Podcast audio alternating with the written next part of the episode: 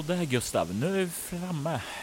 Ja, så det här är Sansele. Ja, vi befinner oss lite ja, utanför. Tekniskt sett, om vi skulle vara i Sansele så skulle vi ta och åka längs vägen lite till, kanske några 200 meter så är skylten där, där det står Sansele. Men här, nerför den här lilla allén med björkarna, så har vi nu kommit fram till min eh, fars gamla barndomshem. Ja, känns lite skönt att inte behöva åka in där faktiskt. Men ja, vilket väder. Har, har det till paraply eller? Här, ta. Ja, tack. Som du kan se här, rakt fram har vi en fin lagård.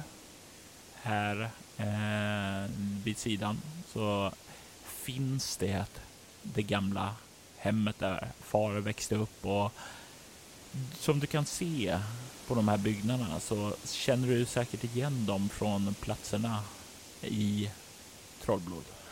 Ja, en hel del faktiskt. Men den där veden pratar du aldrig om. Nej, eh, vi hade aldrig riktigt den här, men eh, min farbror brukar eh, bo här ute eh, under somrarna och det är väl han som har huggit upp allt det där. Okay. Nymodigheter. Ja, precis. eh, men eh, kom så kliver vi in. Behöver inte stå här ute i regnet. Ja, absolut. Ska bara kolla som nyckeln ligger i... Ja, men den ligger kvar där. Åh,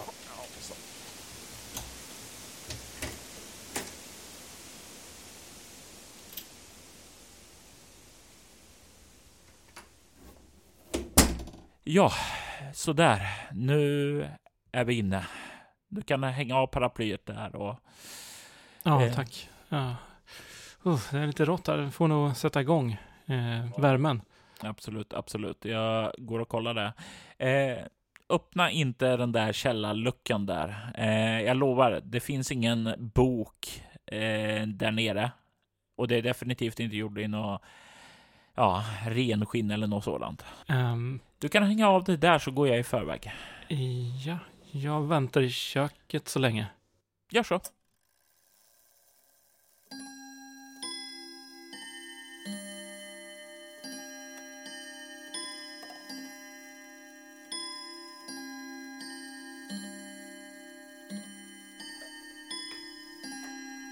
Sådär, sådär. Um, ja, nu, nu börjar det bli lite varmare.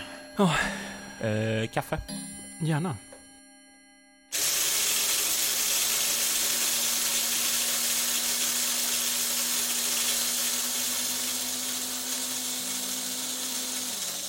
Ja, som du känner igen här, eh, även mycket om miljöbeskrivningarna i eh, bostäderna som jag beskrev i Trollblod har jag faktiskt hämtat härifrån.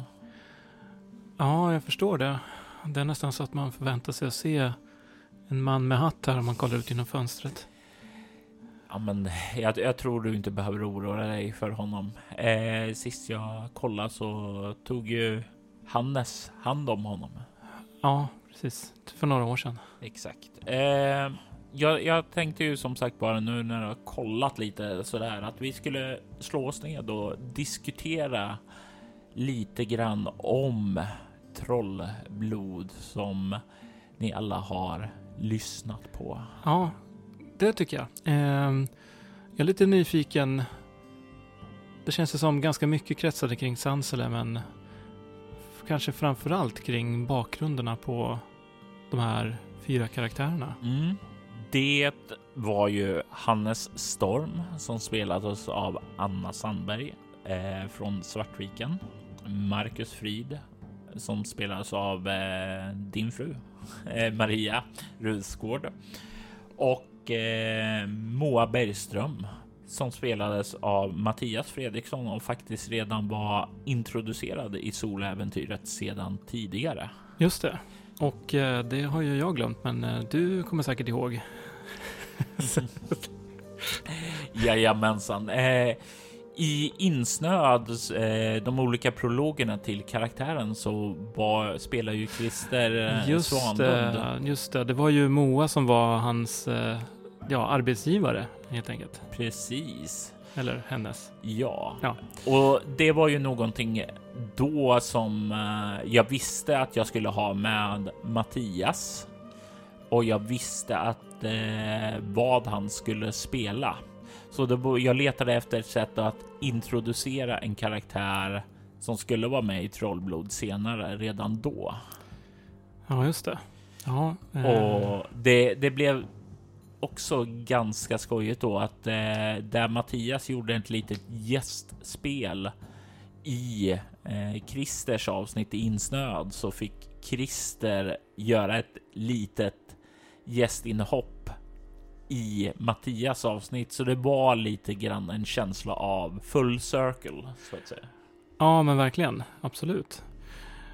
Ehm, Och slutligen så hade vi ju förstås också Sven Stenvik som spelas av Cecilia Kras. Det var faktiskt första gången jag hör Cecilia i en podd. Det är inte så konstigt för det är första gången som hon har spelat in podd. Ja, um, gör en shoutout till dig Cecilia. Fantastiskt eh, bra gjort. Väldigt härlig gestaltning av Sven. Och det är ju någonting som rättmätigt har fått väldigt, väldigt mycket uppskattning från lyssnare och kommentarer både från andra spelare och eh, från eh, lyssnare i sig. Eh, och jag har ju spelat med Cecilia sedan tidigare, eh, en del på Gothcon och så. Eh, så jag visste ju om att det skulle bli bra. Eh, och jag blev inte besviken. Och det var en tidsperiod som jag egentligen inte känner mig bekväm i. Eh, men hon var fantastisk på att hjälpa till och etablera saker så jag kunde bara luta mig tillbaka och beskriva det hemska. Mm. And that's how I like it. Verkligen. Ehm, och ja, jag, jag blev lite förvånad när jag stötte på det här att eh, du, hade, det hade skiftat helt och hållet. Så att eh, alla manliga spelare gestaltade kvinnliga karaktärer och vice versa. Det här får Jon Haug Evaldsson ta lite eh, skulden för eller crediten för. För det var ju när vi talade i syndaslukarens postmortem som det här kom upp hur tanken var. Och hans fråga fick mig att gå igång på det och jag kände så här bara. Ja, nej, jag hade inte tänkt på det här så det satt kvar. Så det var en liten sån här grej att eh, alla spelare ska få spela motsatt kön. Det var eh, lite grann av ett mission statement innan. Det blev inte samma sak för dem som dubbade. Jag hade ju till exempel Wilhelm Persson och Mattias Lundmark som gjorde manliga röster som förekom. Ja, precis. Ehm, men hur, ehm, hur blev det i relationen med de här spelarna och introducera eh, det här? Var det smärtfritt hos allihopa eller var det någon som hade några betänkligheter? Du kanske inte vill hänga ut någon, jag vet inte. Eh, nej, faktiskt inte, utan eh, det var ingen som eh, reflekterade alls över eh, det. Den här gången så skrev jag alla karaktärerna och eh, gav dem mer eller mindre eh, utan att fråga eh, något om deras preferenser, för jag känner ändå till eh, var Mattias har jag ju spelat med tidigare och han var väldigt öppen. Eh, Maria spelar ju med på veckobasis så jag är bekväm med henne. Sissi har jag spelat ett flertal eh, konvent med eh, och eh, ja, Anna har jag också spelat en hel del med, så jag kände ju alla spelarna de här gångerna så jag kunde när jag satte mig och började skapa karaktärer också anpassa lite vad som skulle passa dem och även i vissa fall kanske utmana dem lite. Mm. Ja, jag känner igen det här lite grann från när man träffar många olika rollspelare på konvent. Det är sällan som det är så himla viktigt att man spelar samma kön som man själv så att säga. Mm. Mm. Ehm, en annan sak som var lite grann av ett mission statement var att jag ville ha en eh, kärleksrelation och eh, kärleksrelationen var ju då mellan Hannes och Marcus. Och eh, det kändes som en bra tillfälle att få eh, belysa ett homosexuellt par på ett helt vardagligt sätt. Alltså jag, ja, det var faktiskt. Eh, jag har fått eh, skäll ifrån din fru att jag är dålig med att få med manliga eh, homosexuella relationer. Och eh, jag kände att ja, men då, då ska jag ta tag i det och bättra det. Så det är Maria vi har tacka för det. Tack Maria. Ja, nej, jag tycker det var väldigt kul att eh, det får vara lite eh, olika perspektiv helt enkelt, även inom rollspel. Mm. Eh, och jag tycker också att det blev en, det blev en fin kärlekshistoria. Det blev det. Ja, och det är ju någonting, eh, vad heter det, med att se deras två olika perspektiv på saker. Alltså hur ja, Hannes kommer tillbaka för att eh, möta upp Marcus. Men finner honom inte där, känner det där storygaten. nähä, varför är han inte här? Och när han kommer hem och inte heller där, utan verkar resa iväg. Och Marcus som försvinner upp dit och sedan upptäcker vad som sker där uppe när han återfår minnet sen. Alltså, nu kanske det kunde ha slutit lyckligare. Det, det var det var inte så att jag menade att det skulle bli en tragisk där, utan det är lite grann av eh, en förvecklingar av tärningsslag och eh, rotande på fel ställen. Som det så ofta kan bli. Men jag tycker ändå att eh, oaktat om det blev en ett lyckligt slut eller inte så tycker jag ändå att gestaltningen blev väldigt fin. Jag, jag tänker på eh, hur Anna gestaltade Hannes och hon köpte de här blommorna och kom hem och hon var så förväntansfull och alltihopa det här. Och, och likaså när hon kom med, med bilen upp dit och trodde att de skulle få, få träffa Marcus. Det, ja, men det var, det var väldigt fint och likaså Marcus hur han verkligen inte ville dra in eh, sin pojkvän i det hela eh, när han väl hade kommit dit upp och hans förtvivlan Eh, i alla de här olika tillfällena eh, där hemska saker hände kopplat till Hannes. Jag tycker det var ja, mycket bra. Eh, ja, och eh, Moa Bergström då eh, var en som sagt var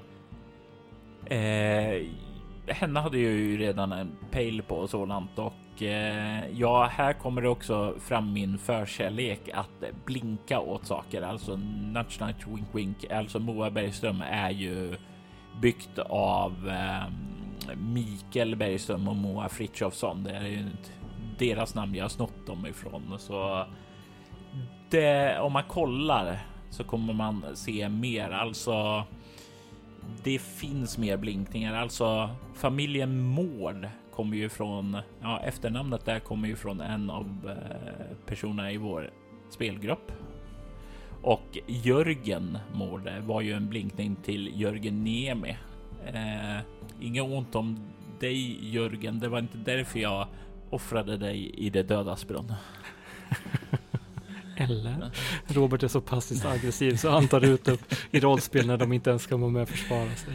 Yeah. Men, men Moa, eh, Moa alltså från Svartviken och eh, eh Mikael, Mikael, som eh, skapar spel som Cthulhu, rotsystem och så vidare och så vidare.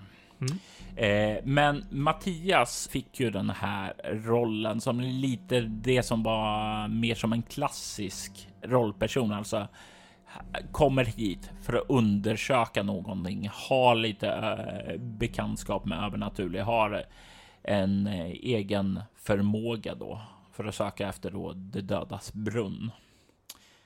Eh, och slutligen då Sven som var i grunden så var ju det här en introduktion av kråkpojken vem var Kråkpojken? Kråkpojken hade figurerat som en liten hotfull gestalt och tanken var väl kanske lite grann att det skulle kännas som är det här hotet? Är det här ondskan? Mm. Men sen när det kom till Kråkpojken så skulle man visa att nej, det kanske inte var så. Ja, precis. Det var ju också dramaturgiskt väldigt intressant och tilltalande tyckte jag att eh, Kråkpojkens eh, avsnitt och handling vecklade ut lite grann nästan som en prolog till det som de andra redan hade varit med om eller var på väg att hamna in i. Det mm. tycker jag var kul att, att, att lyssna på. Ja, vi har ju en fråga lite grann om eh, tidslinjer och sådant. Jag tänker vi hoppar in lite mer på det senare då. Mm. Eh, men så man kan säga, men det fanns ju tre eh, huvudtrådar. Vi hade ju då eh, Hannes och Marcus tråd. Vi hade Moas tråd och sen hade vi Svens tråd. Eh, och de var ju knutna till den här platsen då, Skvelträsk. Och Skvelträsk, eh, det är ju en helt fiktiv eh, by. Det är inte något som finns här i Norrland. Mig veteligen, det finns ju många oh, ja, konstiga namn på platser här, men det finns inget Skvelträsk i närheten av Sansele där jag säger att du ska svänga vänster eller höger beroende på vilken riktning du kommer för att komma ner till Skvelträsk. Så tar du och svänger det jag säger så kommer du hamna mitt ute i Vindelälven. Så det finns inte på riktigt. Så då vet ni det. Åk absolut inte upp hit till Sansele och leta efter Skvelträsk. För ni kommer ändå inte hitta någonting. Absolut inte. Inga, inga Skvelträsk här uppe. Eh, Mm, eh, men som sagt var, eh, mycket kretsade, alltså det var ju, jag ville ha det här mer rotat i personerna i ett, eh, ja mer, ja eftersom syndarslukan hade varit så stor och episkt så vill jag ha det mer jordnära, bundet. Eh, mycket av idén till trollblod det började i karaktären som heter Marcus Frid. Eh, det var där som allting började gro, att jag ville ha någon som inte bodde här uppe i trakten, men som hade en koppling dit på något sätt, att han hade rötterna här och eh, sökte sig tillbaka. Eh, kanske inte av goda skäl utan mer av ja, egoistiska eller vardagliga skäl. Eh, och Eh, det nämndes ju lite grann i eh, själva podden, men det var ju som sagt både Hannes och Marcus eh, funderar ju på att bilda familj mm. och eh, för att göra det så ville de ha en tryggare ekonomisk grund att stå på och det var ju Marcus skäl att resa upp där, se om man kan hitta något som kan sälja eh, och tjäna pengar på inte för att Marcus ville eh, återförenas med sin far. Eh, det var ju någonting som Maria tycker. Jag tycker det var. Hon lyckades väldigt bra med att etablera den här känslan när hon beskrev att när jag var liten ville jag bli som min far. Men sen fick jag veta att han slog, alltså det sättet hon beskrev det här på det var så här jag kände gåshuden då av det obehagliga där och där kände jag bara, ja men det här känns bra. Mm. Precis, ehm, så det fick lite grann tankarna och starta igång här, arken kring Marcus. Um. Ja, och därefter så behövde ju han en partner. Ja, men då blev det ju Hannas. Och därefter så ville jag ju ha en berättelse som hade lite okronologiskt berättande. Och det var där som jag fick in Moa. Och jag visste ju att Moa var en annan tidsperiod än eh, både Hannes och Marcus eftersom Moa fanns ju redan etablerad sedan insnöad. Mm. Utspelar sig det här innan insnöad för Moa då alltså? Nej, efter för Moa. Ja, just det, därför att eh, eh, Eir eh, kontaktade ju henne. Precis. Eh, det blir ju efter. Eh, vad heter det? Hon säger Eir, vad tog du vägen? Eh, och det är ju helt enkelt efter att Eir har flytt ifrån Teg seniorboende där hon tände eld på folk. Precis. Okej, så det var eh, efter prologen men innan insnöad helt enkelt? Nej, det här utspelar sig 2013 för Moa, så det, det är efter hela insnöad eh, som Ja, eh, första akten har redan hörts i Svartviken, akt 2 och ännu längre fram så kommer akt 3 också höras. Det här utspelar sig efter alltihopa, men det säger ju ingenting om Eires öde eftersom Mattias eh, använde Kratosen och fick en bieffekt att han hallucinerade allting. Så eh, är ju det var ju allt det här i hans huvud. Tro inte att du är säker, Christer. Tro inte att du är säker. Nope, ingen är säker i mina äventyr. Möjligtvis spelarna.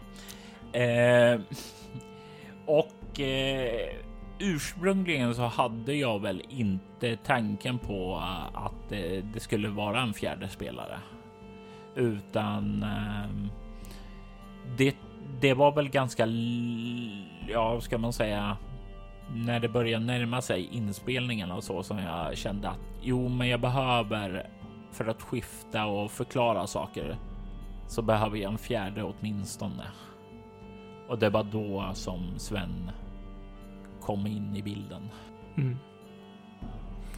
Och det var ju tur att Sven kom in i bilden eftersom det blev så bra. Ja, jag kan bara nicka och hålla med. Eh, kurios fakta. Jag tänker inte säga vem, men det var faktiskt inte Sissi som jag frågade först eh, för att spela Sven, utan det var en annan som tackade nej. Det var mitt första nej tack eh, någonsin här i soläventyret, men eh, det det blev ett lyckokast för mig. Mm. Men nu har vi ju pratat om början och karaktärerna. Mm. Varför inte hoppa över till slutet? Efter slutet.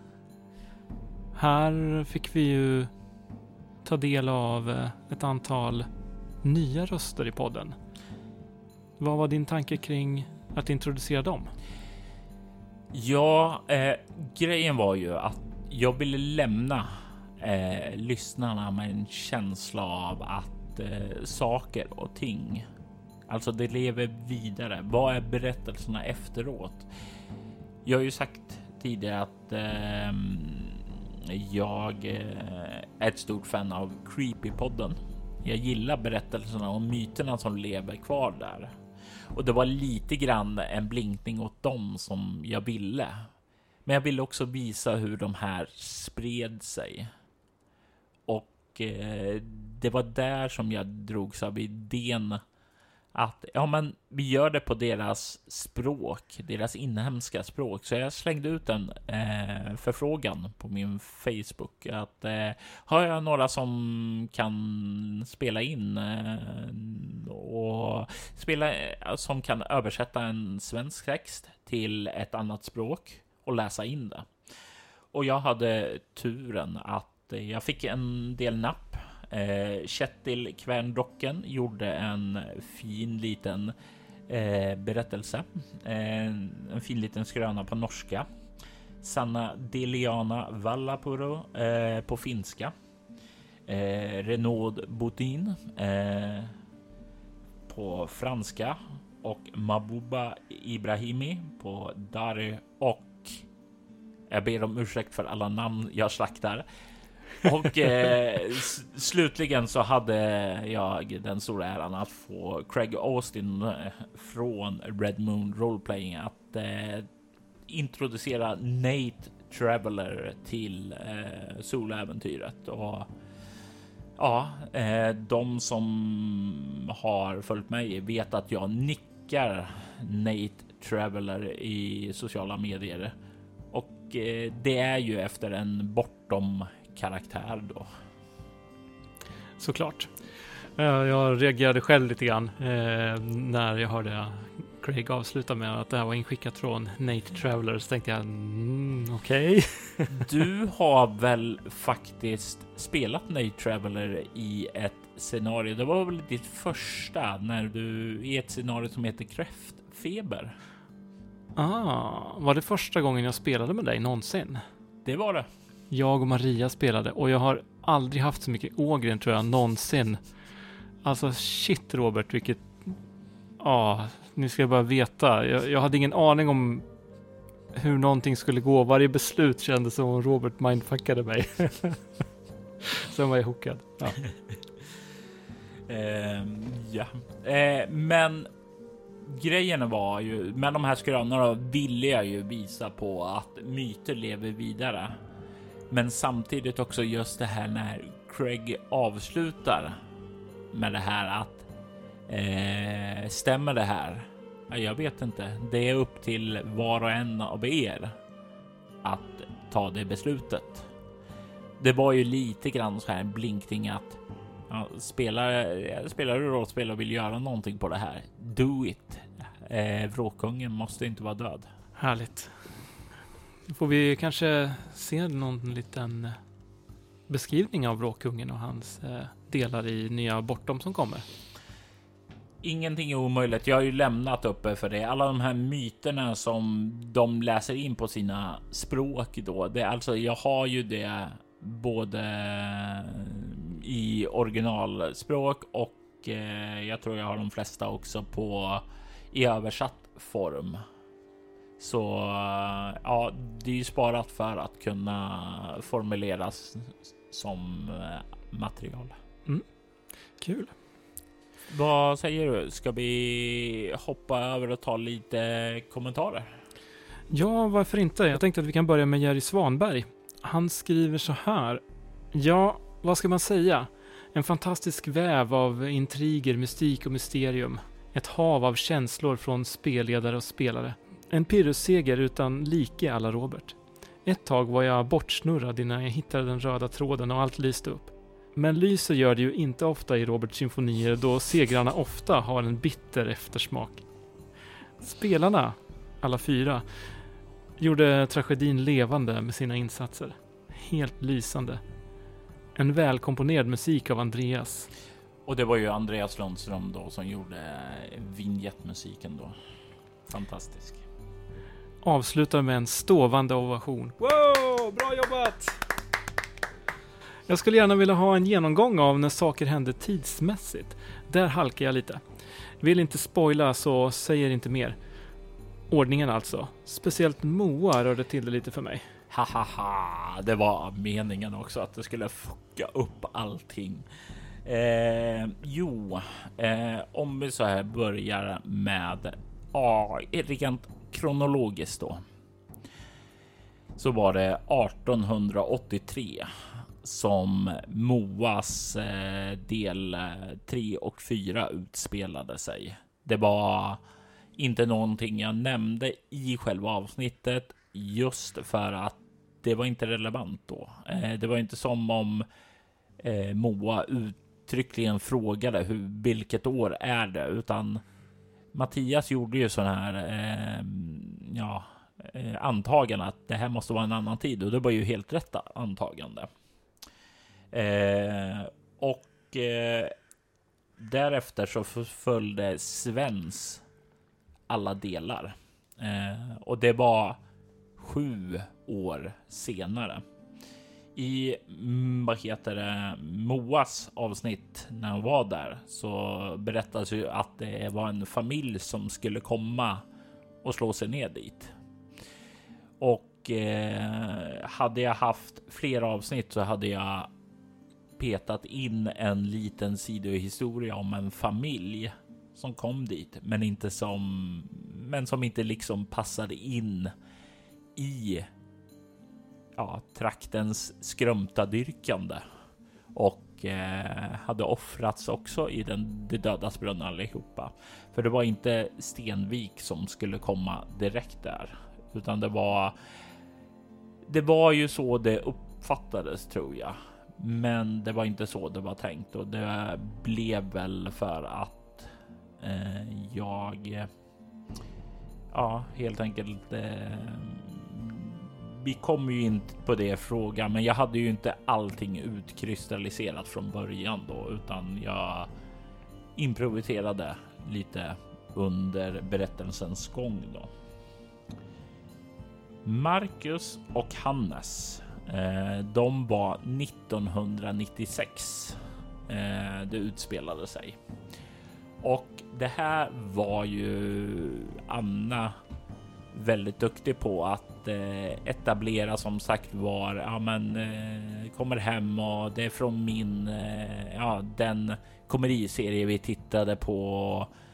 Den, eh, jag slår telefonnumret eller tar fram telefonkatalog, alltså sådana här saker tidstypiska. Hon var duktig på att plantera det, men om man inte aktivt kollar efter det så är det inte helt uppenbart heller, utan man bara flyter med där. Och det här var ju också någonting jag sa till alla spelarna att eh, säg inte vad det är för år, men ni får gärna introducera det på andra sätt diskret där, för jag ville hålla det här känslan av att man inte visste vilket år det var eller hur de här utspelar sig till varandra. Det är ju som sagt var första var avsnittet var Annas. Därefter var det eh, Mattias och i Mattias avsnitt så kommer han ju fram till eh, den här stugan och sådant. Ser en bil parkerad där. Och i nästa avsnitt så ser man eh, Maria komma till den här platsen och parkera sin bil. Och det är ju hennes bil som man hörde då i avsnitt innan.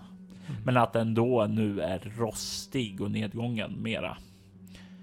Och det var ju det som eh, sådana där saker också som hjälpte till att eh, skapa frön av det. Och sen har vi ju varit inne på att Mattias spelade ju med Moa 2013. Mm.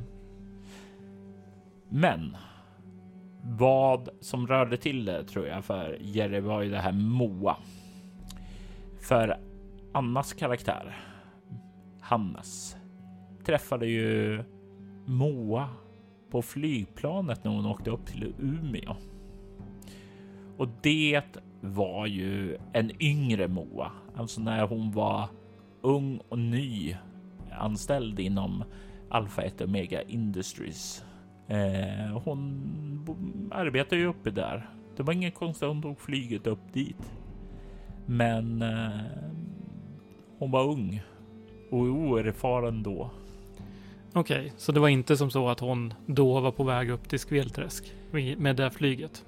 Nej, utan det var. Det var en vanlig yrkesresa mm. när hon var nyanställd. Okay.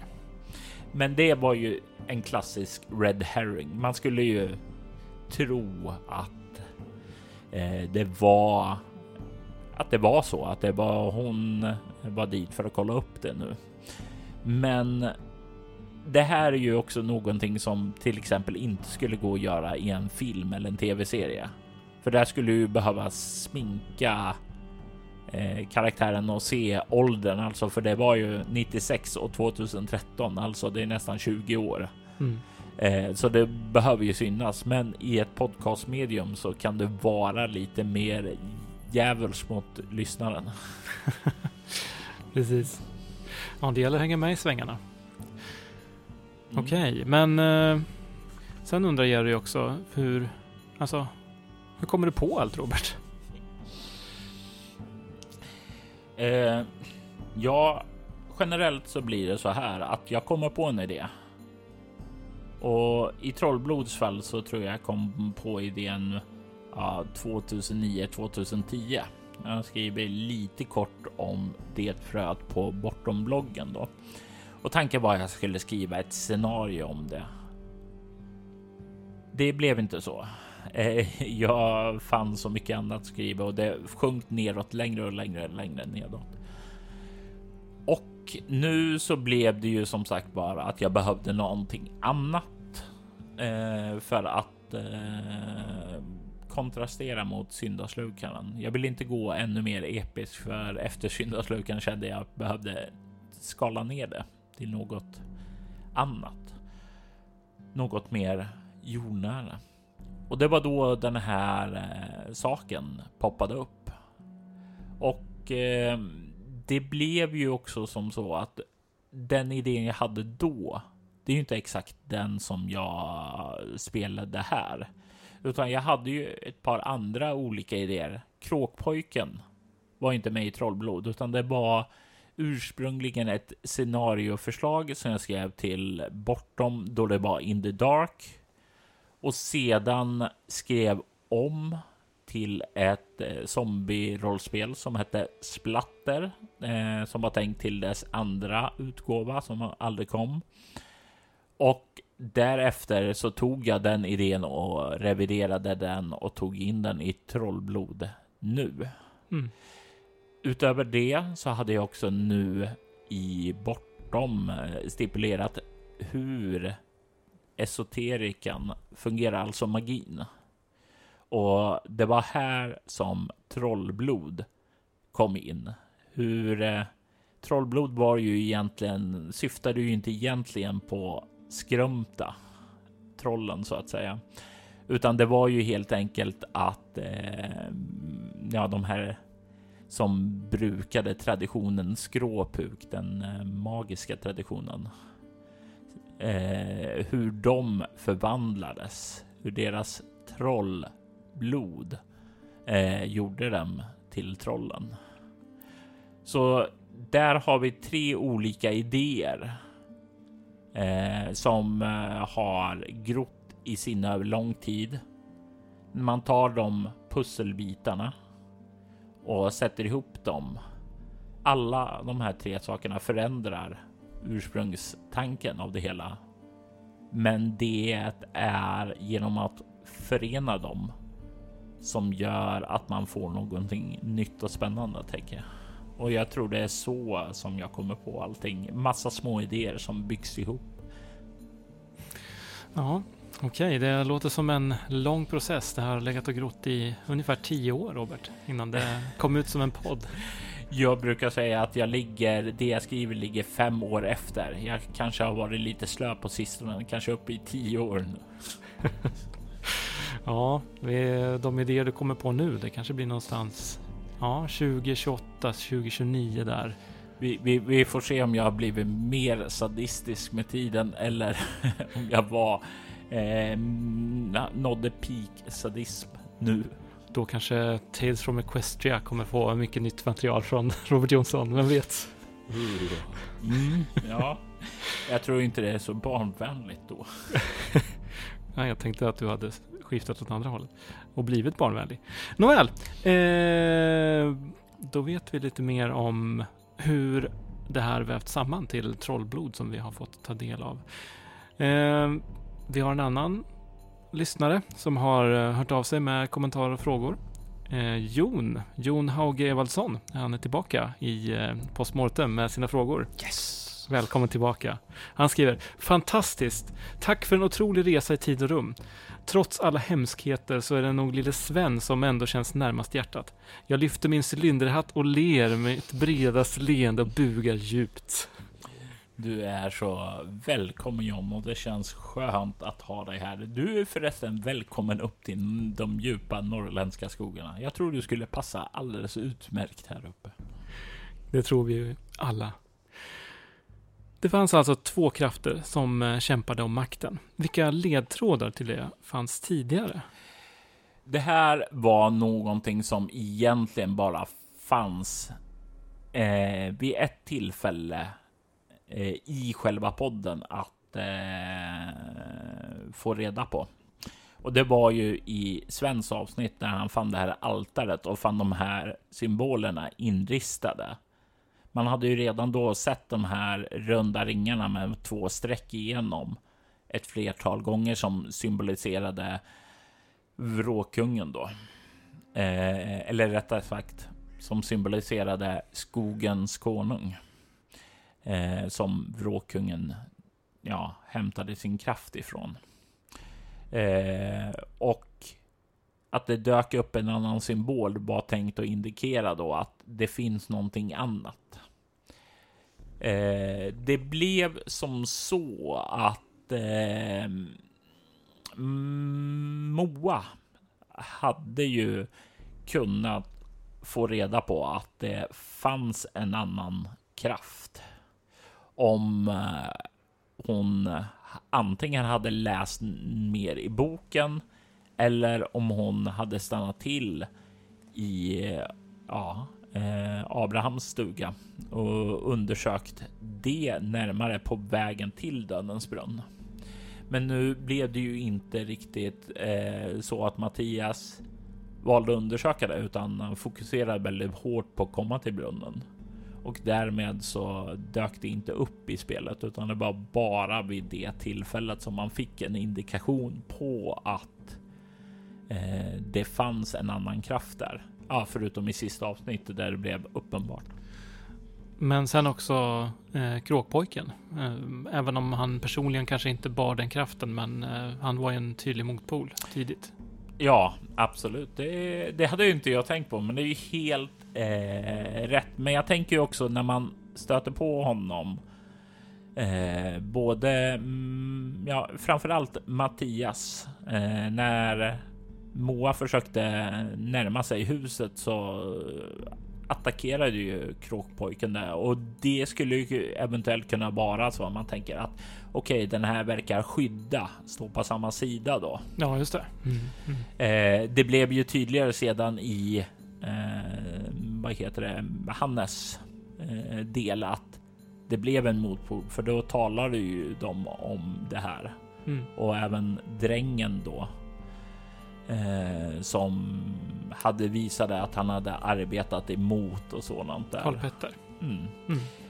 Och jag ber om ursäkt för eh, ja, alla lyssnare som hade så många likvärdiga namn och Hans Petter, Karl Petter och Alltså, det här var ju någonting som jag hade kunnat planera mycket, mycket bättre. Ha mer distinkta namn. Eh, det är väl det som jag är mest missnöjd med eh, i den i Trollblod, att det var lite för ja, eh, lika namn. Mm, Okej. Okay. Um, men uh, Jon undrar också hur planerad den här historien var. Det känns som att du hållit på i tio år med det här fröet, men när du väl startade igång, hur mycket var planerat? Är det nu jag ska säga? jag hade allt planerat i minsta detalj.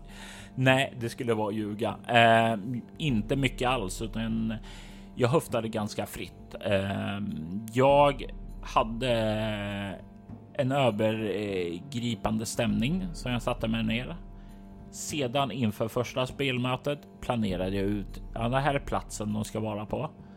Eh, det här kan hända. Det här är varför de är här och sen liksom.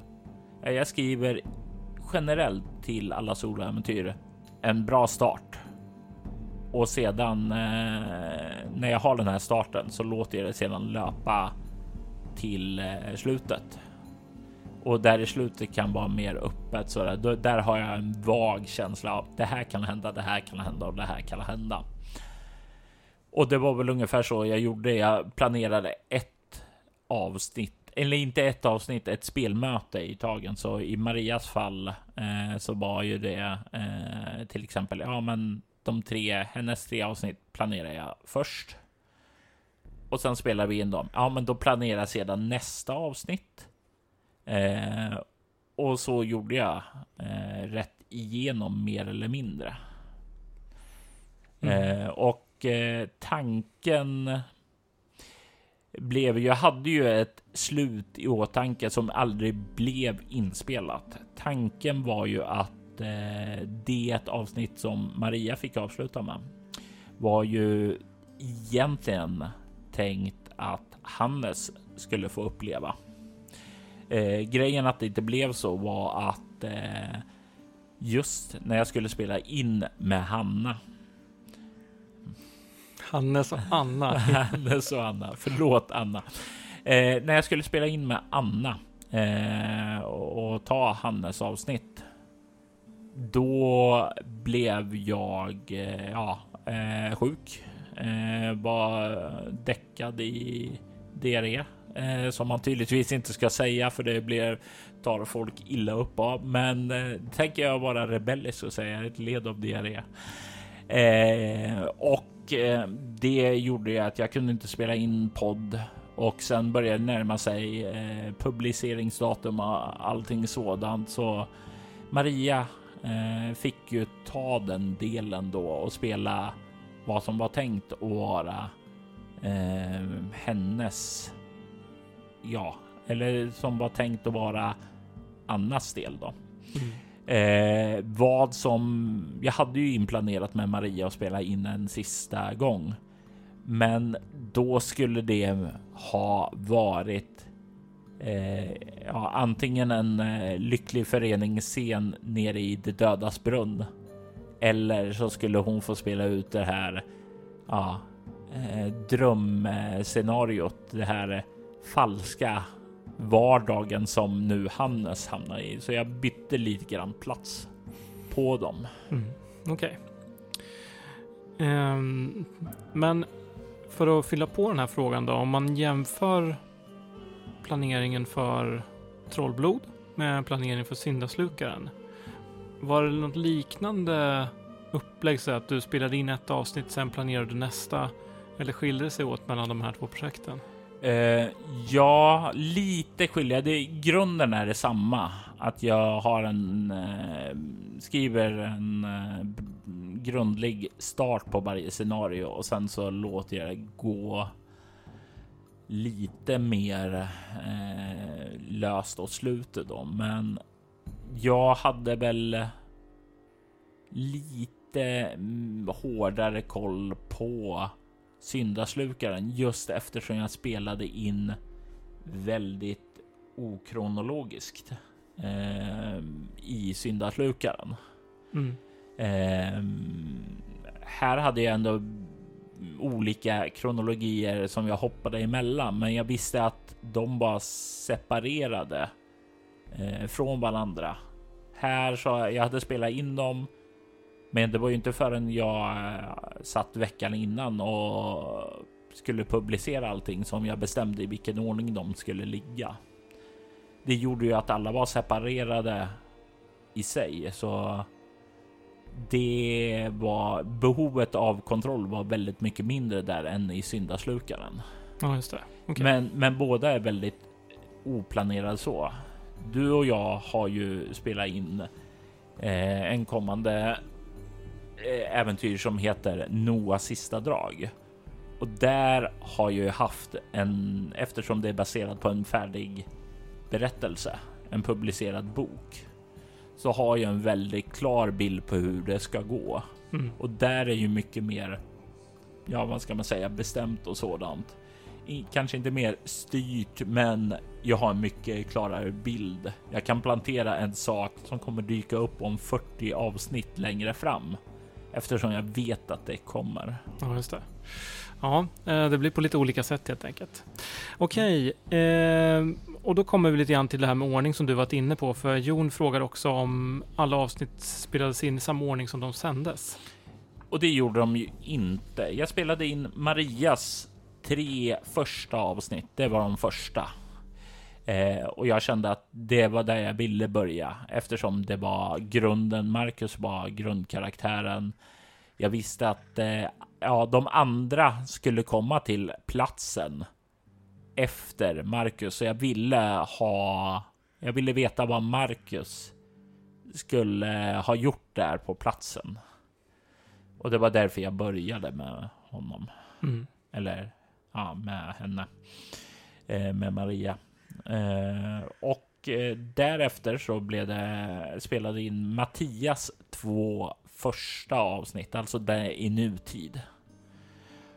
Därefter så tog jag Annas, sedan Mattias två sista och sen Sissis eh, och slutligen det absolut sista avsnittet sist. Så nej, det var ju inte kronologiskt jag spelade in dem, utan eh, men det var ändå ganska, ja, ska man säga? Ja, det var ändå hyfsat. Det fanns en kronologi igenom det där ändå. Så det var lätt för mig att hålla i åtanke. Mm. Okej, okay. eh, Jon undrar också om eh, resan tillbaka i tiden helt kunde ha undvikits. Han, han eh, säger att det känns som att Tidsresor bäddar för mycket paradoxer och kräver en modig spelledare som kan hålla reda på allt. Eh, jag älskar tidsresor eh, och anledningen är ju att jag, jag, jag alltid gjort det och tidsresor är ju en grej i Bortoms värld också, så det, att jag använder det är ju någonting som inte är konstigt och jag har använt det så pass mycket. Jag känner mig helt okej okay med att bolla de här olika tidslinjerna i sig. Men på frågan om det hade kunnat undvikits. Ja eh, och nej. Eh, hade Moa vägrat hoppa ner i brunnen, hade Moa utforskat huset närmare så kunde hon ha fått reda på andra saker. Hon, hade hon läst boken så eh, kanske hon inte varit så villig att hoppa ner i brunnen eller kanske jättevillig att hoppa ner i brunnen. Vad vet jag? Men det var inte bestämt helt och hållet. Men jag skulle säga som så att jag var till 90% säker att eh, det skulle bli hoppa ner i brunnen. Men det fanns en backup plan där. Men det känns lite grann nu när du beskriver det här som att den här boken i Trollblod nästan är lika viktig som asken i syndaslukaren. Nej, det ska jag inte säga var. Det är i grunden så är det en typ av formelsamling där det är hemligheter och du skriver ned lite om myter, varelser och väsen utöver besvärjelser. Så det som eh, visades var ju den här träskhäxan när eh, Marika bläddrade i boken. Och det var ju hennes, ja, eh, det var ju hennes sätt att visa Moa liksom och pusha henne lite i rätt spår. För Marika vill, dyrkade ju den andra kraften i trakten då. Mm. Eh, men som sagt var, det, den andra hade inte Moa hoppat ner där så hade troligen Hannes, möjligen Marcus tagit den platsen beroende på vem som slog ihjäl vem. Okej. Okay. Ja. Um, så tidsresor for the win när man spelar bort dem med Robert helt enkelt. Det får ju användas i med viss eh, mått av eh, ja, försiktighet givetvis, men här var det ju en inplanerad del av själva strukturen till det hela. Absolut. Um, Okej, okay. um, jag är lite nyfiken. Um, den här musiken i den här podden skiljer sig lite grann från hur det var i Syndaslukan. Du har blandat in eh, lite mer modern musik får man säga, eller modern, jag vet inte, musik som är mera mindre ambient och mera musikig musik. ja! eh, och som ett hårdrocksfan så blir man ju väldigt glad. Eh, och det var ju fantastiskt den här hårdrocken med hemska demonskrig och eh, fioler blandat. Det är ju eh, så fint det kan bli. Eh, så vart hittar du det här och hur kom du på den idén? Eh, just eh, hårdrocken i sig. All hårdrock är gjord av en eh, kille som heter Marcus Lindner. Han eh, har dels gjort de här hårdrocksslingorna som var lite grann om Marikas teman. Det var två olika slingor där. En när hon var ung och en lite hårdare när hon var äldre för man blir hårdare i musiksmaken när man blir äldre. Okay. Eh, I det här fallet var det i alla fall det. Eh, och sedan så hans band eller han bandnamn Divius eh, gjorde den här låten då. Det är en demo som inte är släppt då, men jag kände att jag behövde lite hårdrocksmusik för att eh, ta Marikas eh, ja, musiksmak in i själva avsnittet.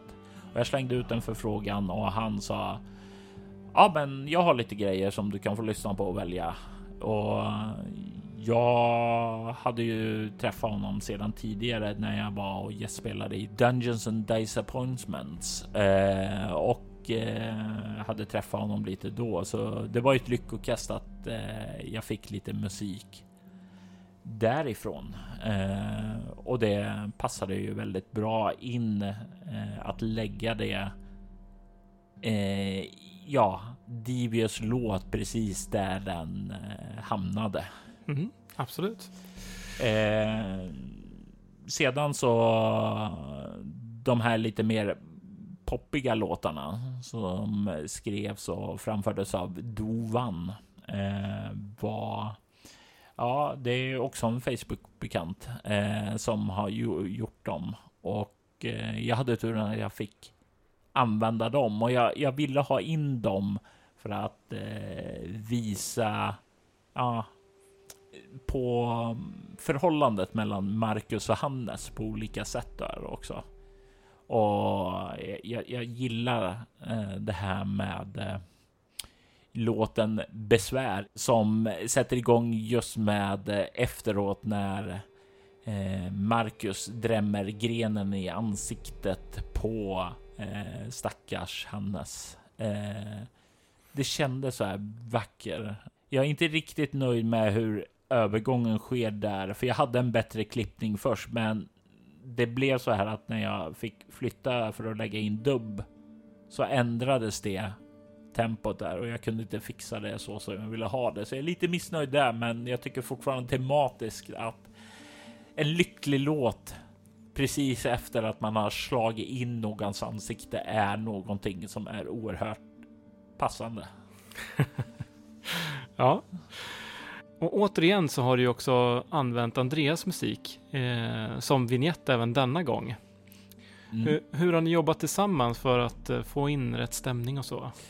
Eh, ja, eh, jag behöver ju inte så mycket. Jag har sagt åt Andreas, det här vill jag ha.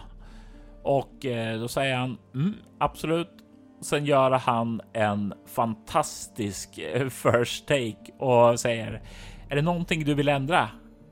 Eh, nej, säger jag. är det helt säkert att du inte vill göra det? Nej, det är jättebra. Ja, men är du säker? Okej, okay, du kanske kan ändra det här. Ja, men det fixar vi. Är det någon nu? Nej. nu får det vara bra Andreas. Jag är jättenöjd. Eh, alltså, han levererar nästan perfektion eh, till att börja med och väldigt öppen för att eh, ändras något om det skulle behövas. Men det är så sällan det behövs göras. Alltså, just det här med som han fångat den här känslan i själva vinjetten. Den, jag, jag tycker det är så fantastiskt med det här vemodet som verkligen genomsyrar allting. Det kändes verkligen som att det blev klockrent där. Mm. Ja, mycket, mycket passande, mycket snyggt blir lite avundsjuk, men eh, så är det. eh, jag, jag, är jätte...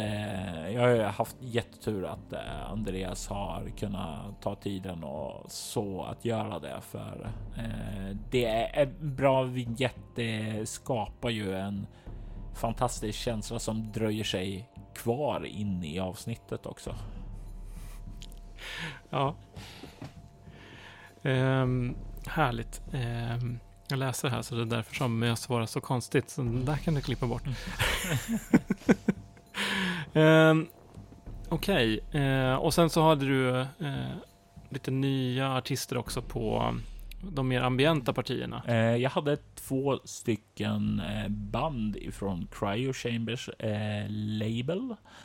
Och det var ju God Body Disconnect och Halgarth. Eh, jag vet ju att du är ju en stor fan av Cryo Chamber och Ja, jag gillar verkligen det skivbolaget. Jag använder gärna deras eh, ambient så ofta jag kan när jag spelleder. Absolut, och det är ju någonting som jag också har gjort eh, långt eh, innan jag visste vad Cryo Chamber var. Alltså det var ju sådana här Youtube-videor som hade poppat upp i när man sökte stämningsmusik. Mm. Så det var ju en hel del. Men det var ju först jag började få insikt vad det var när eh, Red Moon Rule Playing eh, använde sig av dem. Mm. Och sedan så var det du som sa, men, men han som driver det där, han är svensk. Och jag bara, oh my god. eh, ja. Och eh, sedan så skrev jag ett mail till honom och frågade är det okej okay? och jag använder det och han sa ja under de här eh, ja, eh, omständigheterna och det var absolut inga problem för mig då. Eh, och jag tycker ju de partierna eh, är ju... De är ju stämningsfulla som bara den. Mycket av Mattias första avsnitt bygger ju på den här regniga atmosfäriska musiken. Det sätter en stämning. Eh, och det blir ju alltså stämningen är ju fantastisk då tycker jag. Eh, och det är ju väldigt bra för dem när man vill bygga upp lugn och sådan stämning. Vad de kanske inte riktigt kommer till sin rätta är ju i mer actionsekvenser och sådant. Eh, då man vill ha lite mer tempo och sådant. Ja, nej men precis. Det, och det är svårt att hitta någonting som matchar också, men jag tycker att du har, du har lyckats väl i den här podden. Ja, och det var ju där som jag tog in min andra eh, nya eh, artist, eh, nämligen Adrian von Ziegler, eh, vilket är en han har gjort väldigt mycket så här keltisk musik också. Eh, och eh, när jag spelade en kampanj eh, för väldigt många år sedan, jag tror det var 2013, så hade jag väldigt mycket av hans musik som stämningsmusik då. Och sedan dess har jag följt honom, eh, återkommit lyssna lite på dem. Och det var ju under tiden jag började planera Trollblod som jag insåg att han hade flera sådana här liksom nordiska melodier, alltså Eh, han har en fucking jäkla låt som heter Vandraren och eh, Från dammens djup. Alltså, de heter de svenska namnen och det tycker jag är så här skithäftigt. Ja. Utöver alla de här Ordinir eller Auslager och Galdrar, alltså sådana här riktigt asaklingande namn. Och det var ju mycket av dem som jag kände att ja, ja, men det, det tar jag definitivt. Um, vill jag definitivt ha med. Mm. Så jag skrev ju och pratade med honom. Är det okej okay att använda de här under eh, det här omständigheterna? Och samma där. Han sa ju ja, men absolut eh, under de här omständigheterna och återigen helt okej okay för mig att eh, följa det. Så det var ju inga problem att använda dem. Och det var ju här som också jag kunde väva in två olika teman. Det var ju dels låten Troll Tooth eh, som eh, jag använde eh, när ja, helt enkelt Vråkungen eller Skrömta anföll. Eh, och eh, jag byggde allt ifrån det här. Eh, du börjar i drömmen som eh, Anna hade ombord på flygplanen när den börjar krascha och man hör det här skriken och sådant där som kommer igång där så är det ju för att symbolisera Hannes möte med vråkkungen då, herr Vråk. Mm. Och sedan så spelas den återkommande då. Och sedan hade vi låten Spirit War som symboliserade kråkpojken då och dess eh, fina, eh, härliga. Ja, först och, första gången tror jag den var ja, planterad i Mattias avsnitt, första avsnittet eller ja, eh, när han konfronterades med kråkpojken. Just det, när alla kråkorna attackerade honom. Precis, precis. Och det blir ju så, ja, det skapar en känsla av igenkänning när samma musik används med i liknande situationer. Det är verkligen effektfullt. Mm. Och det är ju det som jag tycker också är eh, viktigt när man använder återkommande. Jag vill skapa musikaliska teman för det blir ju just en återkommande känsla. Eh, och det var ju också den här. Eh, det hade en låt från Adrian von Ziegler då som heter Home of Heroes som är så här lycklig victory musik som spelades då när Sven först då hade ja, räddat eh, stugan från att brinna ned. Ja, just det. Som spelas där. Som återkommer sedan när han blir en del av kråkfamiljen. Mm. Blir kråkpojken. Mm. Okej, okay, eh, då får vi fått reda på allting om musiken i Trollblod. Eh, men du, Eh, men du får inte glömma tävlingen som sist. Vi har inte råd att åka upp hit igen bara för ett litet segment. Nej, det är, det är helt rätt. Ja. Har, har du med kaffe förresten? Eh, ja, eh, jag tror det har hunnit bli lite. Nej, nej, den verkar fortfarande vara här. Så. Tack. Eh, jo, just ja. Eh, vi hade en tävling där man kunde vinna en exklusiv bortomtröja genom att skicka in feedback, frågor och sådant här eh, till avsnittet samt eh, svara hur många spelare som deltog. Och Gustav, du har väl koll på svaret på den frågan? Yes, jag kan allt! Och eh, eftersom vi har talat så mycket om de här karaktärerna så tror jag att svaret är fyra. Ja, eh, och det var ju helt rätt.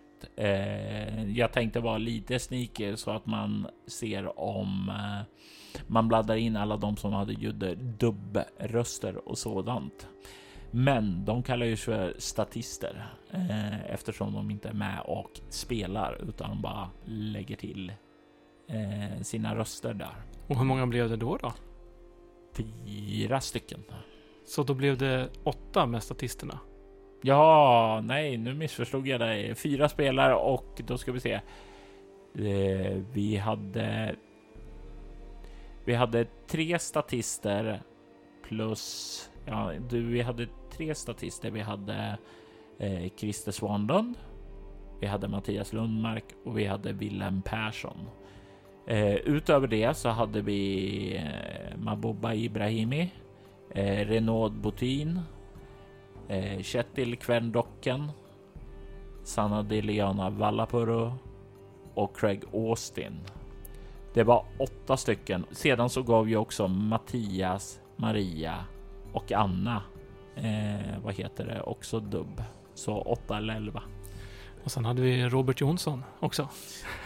Ja, ja men han är så viktig, han räknas inte. Eh, så eh, vi har en vinnare. Ooh. Och vinnaren är Jerry Svanberg. Vi kommer att kontakta dig för de praktiska detaljerna, men tills dess så säger vi grattis! Grattis Jerry! Ja, och vi har. Ja, vi har väl nu börjat och ja, komma till slutet på om eh, trollblod i sig. Jag tror vi har tömt ut en eh, hel del av tankarna och sådant. Jag kanske ska fråga, vad tyckte du? Jag tyckte att trollblod skapade en Ja, det skapade lite grann den här känslan som Jordskott gjorde för mig. Den var en väldigt stark serie tyckte jag. Mm. Eh, särskilt den första säsongen.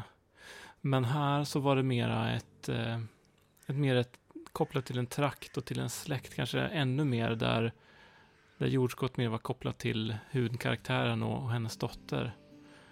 Um, och jag gillade eh, Vråkkungen eh, och hans eh, cylinderhatt får mig att le varje gång jag sätter på mig en svart hatt själv.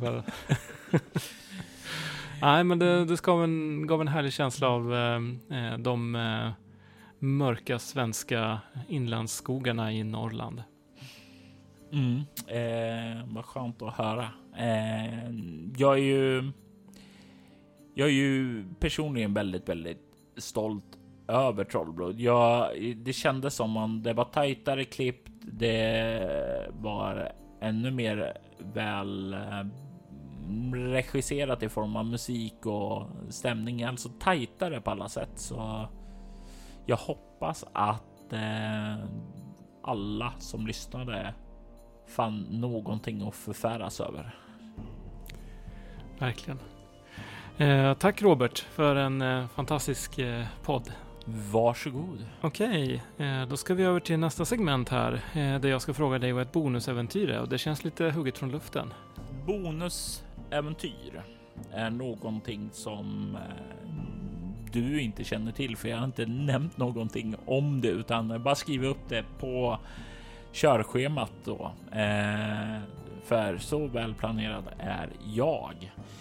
Jo, det är ju som så att eh, jag har ju planerat in, eh, ja, serier och sånt här, alltså mm, som har en genomgående röd tråd. Men jag hade ju Insnö var ju en lite grann en serie och det var ju ett projekt i sig, men det var ju lite grann fristående berättelser det där och det var någonting eh, som jag kände att ja, men det var väl lite mysigt. Det kan man ju göra mycket med. Och eh, det var någonting som jag kände också att eh, jag har egentligen inte tid för det. Men det är samtidigt någonting som jag vill göra. Men hur får jag tid och eh, ork och energi att publicera dem?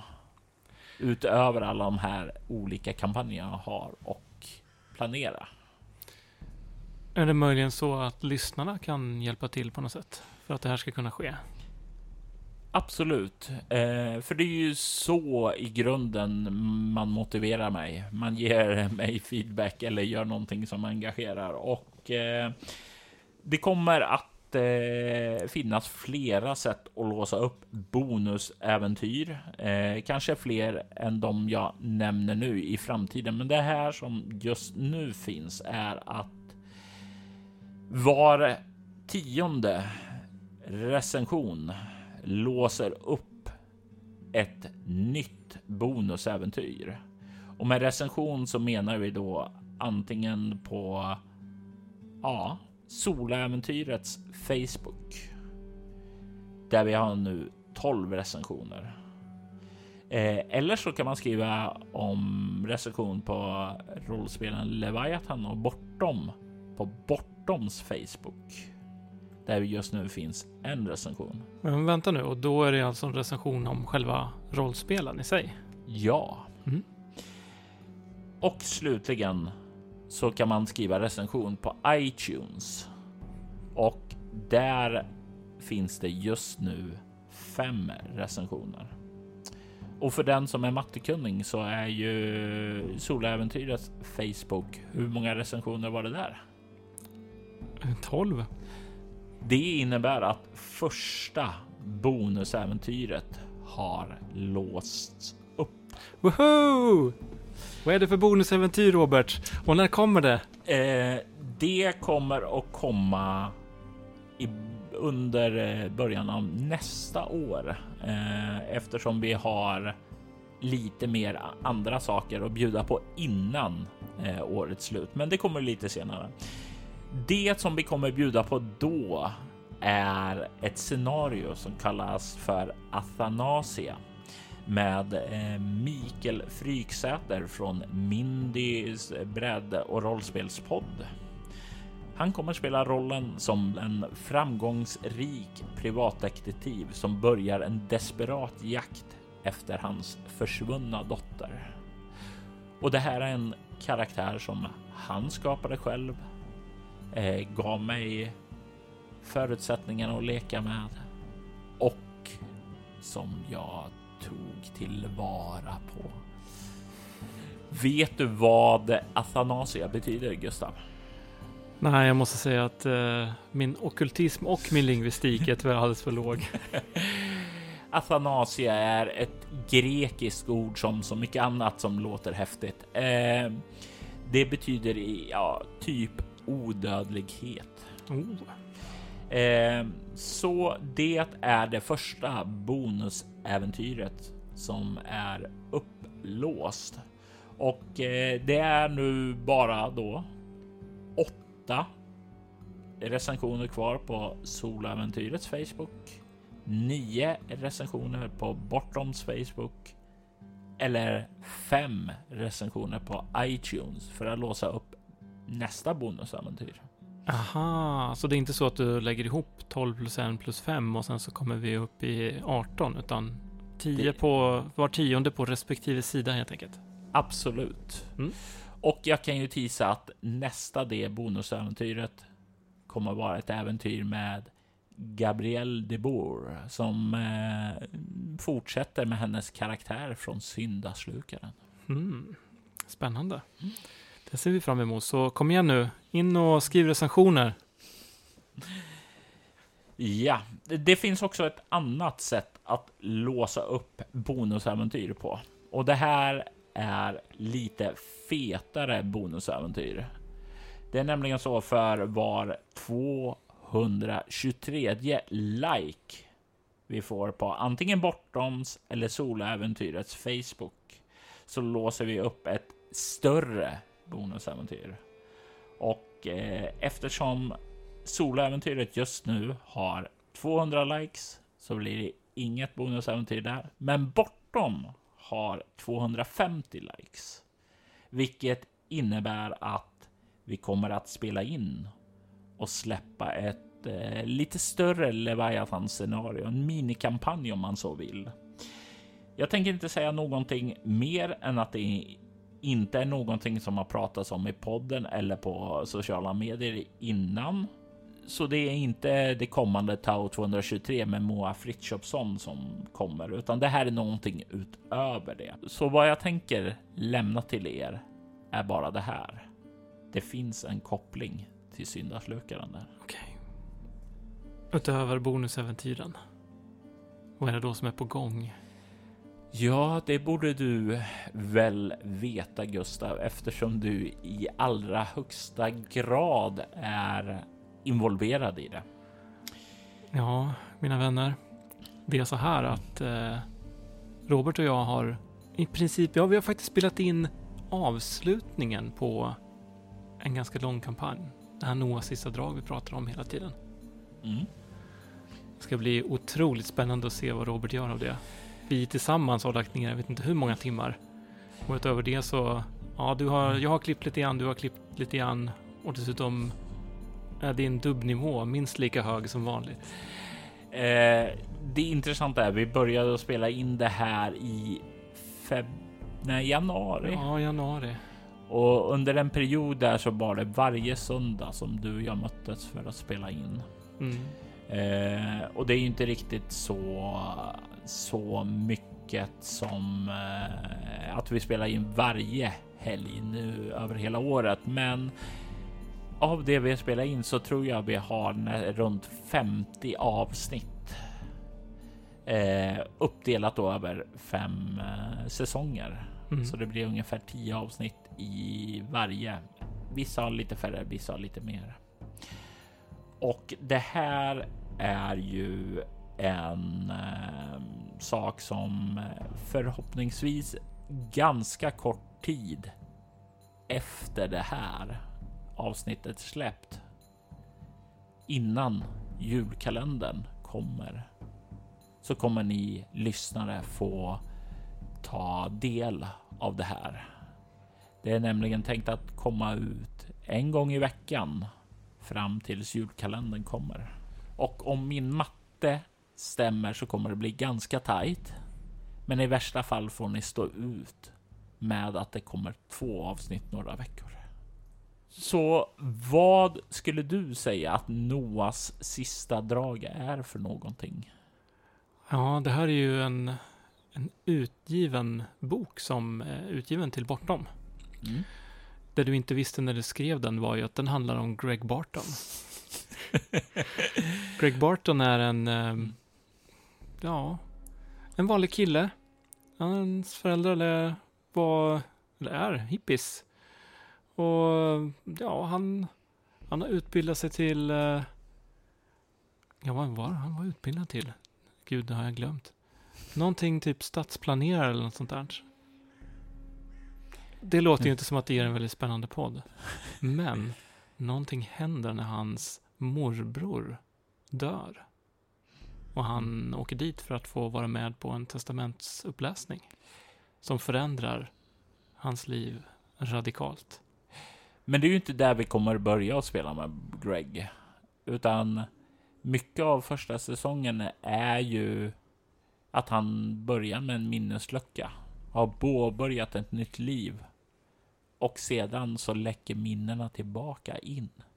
Så vi klipper lite grann mellan Gregs vardag och nya jobb till de hemska minnena också. Precis. Och eh, det här är ju grogrunden för vad jag brukar säga en storslagen biblisk drama. Det är en kamp mellan en ja, ganska bekant gestalt, Noah och en eh, nästan lika välbekant demon från Bibeln. Men jag tänker vi lämnar han eller henne därhän. Ja, inte allt för mycket spoilers här. Du får klippa friskt i så fall, Robert.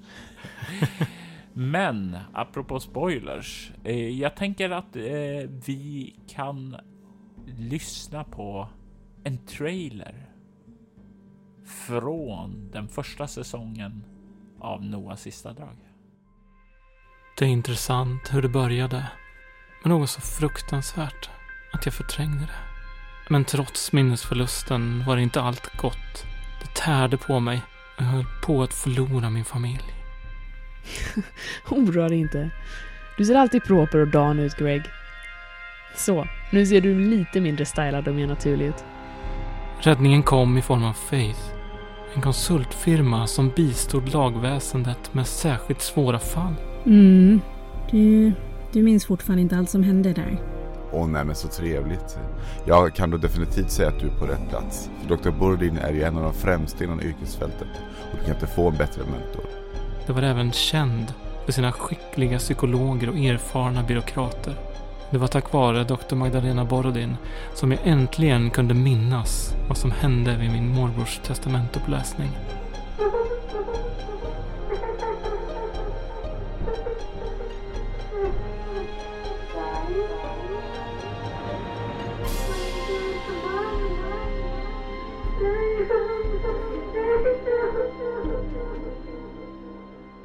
Följ med mig på min resa då jag minns vad som hände på min morbror Tobias testamentsuppläsning. Resan som tar mig bortom lögnens slöja.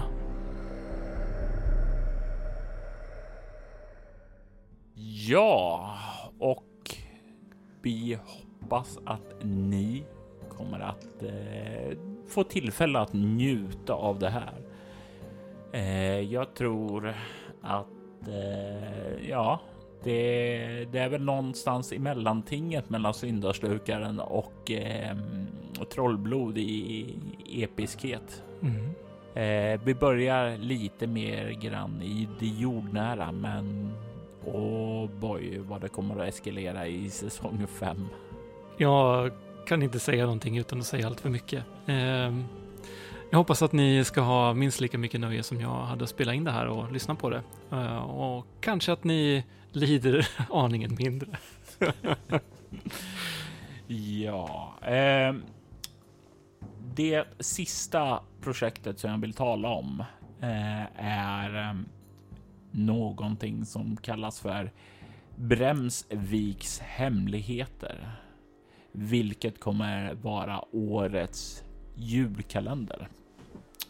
Det är en bortomberättelse eh, som utspelas mellan år 2010 till 2012 i en liten eh, svensk eh, by som kallas för Bremsvik och det här är ju eh, inte riktigt samma typ av berättelse som Trollblod. Det är inte genomsyrande kring den svenska diskbänksrealismen, utan det här baseras på en, ja, man kan säga tre kapitel i en berättelse som utspelas på, ja, på eller med ankoppling till den här lilla byn Bremsvik i Sverige. Eh, du har ju varit med i ett av kapitlerna, nämligen den mellersta som heter Blod och pussel. Precis. Jag vet inte om vi törs eh, läcka det, men det spelades ju in under Gotcon. Ja, och det här är ju en ganska annorlunda upplevelse gentemot den förra soläventyret, för det har ju inte en spelare. Det har sex spelare det kapitlet. Ja, det var många mikrofoner på bordet. ja, och det är ju en liten annorlunda upplevelse och lite utforskande hur det kommer bli. Men eh, för de som är oroliga att det är många spelare som kommer vara där hela tiden så kan jag säga som så här. Alla kommer kanske inte vara med i slutet. Eh, det finns en skäl att det heter blod och pussel. Vi har en berättelse som är uppdelad i tre kapitel. Ett 2010, ett 2011 och ett 2012. Det kretsar kring några olika personer. Det kommer finnas en röd tråd med platsen och personerna där. Eh, så vad vi hoppas erbjuda er är det sedvanliga. Spänning, mysterium, sadism och drama. Visst låter det fantastiskt mysigt? Det låter som en härlig julkalender. Precis det man längtade efter som barn. Absolut. Jag är här för att eh, jag, jag är tomten. Jag kommer med vackra, härliga julklappar. Röda paket. Jag vill inte tala så mycket mer om det, utan eh, det kommer ju att komma en trailer på det när det börjar närma sig också. Jag har spelat in eh, ett kapitel som sagt var på Gothcon i år och jag är i full fart nu i september och oktober att spela in resten av eh, delarna. Eftersom vi pratar om att det kommer att vara sex gäster i ett, eh, i ett kapitel där så ja, ni kommer att få se en hel del individer här. En del är bekanta, andra är nya. Eh, vi hoppas att eh, kunna göra några spännande nya fynd eh, som ni verkligen kommer att digga. Eh, vi får väl se om vi hittar en ny Sissi eh, att eh, skina ljuset över i julkalendern. Det får vi verkligen hoppas. Och eh, ja, som du nämnde så kommer ni höra min röst där lite grann. Men eh, den kommer ni kanske ha vant er vid om ni fortsätter följa eh, Roberts podd då jag kommer vara med där ett tag nu. Ja, och i, jag kan tisa en sak till angående julkalendern. Det kommer dyka upp flera bekanta ansikten ifrån Noahs sista drag också. Så missa inte Noahs sista drag, för ni kommer att se att jag har ett världsbygge här. Att personer från en eh, berättelse dyker upp i det andra och att det vävs samman till en helhet. Ja, och det tror jag eh, var det som vi hade att bjuda på. Eh, Gustav, Mm. om man inte riktigt kan vänta på att Noahs sista drag kommer, där man kan höra dig, så finns det väl säkerligen andra sätt att komma i kontakt med dig och framförallt lyssna på dig. Ja, precis. Jag har ju en, en podd som jag är med i som heter Smygpodden, där jag har spelat in eh, en massa avsnitt tillsammans med mina barn och min familj, som man kan lyssna på om man inte har gjort det, kanske till och med tillsammans med sina barn. Eh, men vi har startat igång ett projekt som har börjat ges ut nu, som vi kallar för Smygpodden After Dark, som inte är ett barnvänligt innehåll, utan som eh, riktar sig till alla som l- gillar läskiga grejer. Och här spelar vi ett scenario som heter Komna från havet som utspelar sig i Blades in the Dark-världen i Duskwall. Och där kan man också höra Robert gestalta demonen Seterra. Som är jättesnäll, rar och mysig. Verkligen mysig. Det har jag fått höra i alla fall. Om mig själv. Och ingen annan. Eh, det är en eh, samma, alltså Gustav och jag spelar in en hel del saker ihop och eh, vi är rätt så synkade. Så eh, vi har ju samma liknande smak och li så. Så om ni gillar soloäventyret så är ju definitivt så att jag rekommenderar att ni går in på Smygpodden After Dark och lyssnar på Ur haven komna. Om man undrar vart man kan hitta Smygpodden After Dark så kan man gå in på smygpodden.com eller gå in på vår sida på Facebook som heter Smygpodden. Eller söka i poddappar efter Smygpodden eller Smygpodden After Dark som är två olika flöden. Toppen. Eh, och om man vill komma i kontakt med mig eh, så kan man göra det på bortom.nu eh, eller på Spela Bortom på Facebook, Twitter eller Instagram. Soloäventyret kan man gilla på Facebook eller så kan man skicka mejl till mig på info.bortom.nu. Kom ihåg, bonusäventyr kan man låsa upp. Det gör man genom att recen skicka recensioner i antingen iTunes eller i Facebook. Så leta reda på de där sidorna nu. Eh, och Ja. Är vi klara då eller? Ja, jag tror det var allt. Eh, stänger du av inspelningsutrustningen? Jag tänkte... Ja, ta- vänta lite. Ja, sådär. Ja. Jag, jag ska visa dig en sak ute i Delmoträsk där jag fiskade abborre som ung. Eh, jag tror det har slutat regna nu så om du bara tar på dig en ordentlig jacka så borde du vara säker. Kan jag låna den här fleecejackan eller? Jajamensan. Det luktar av myggmedel men se det som så att eh, du slipper myggorna då i alla fall. Ja, det är tacksamt.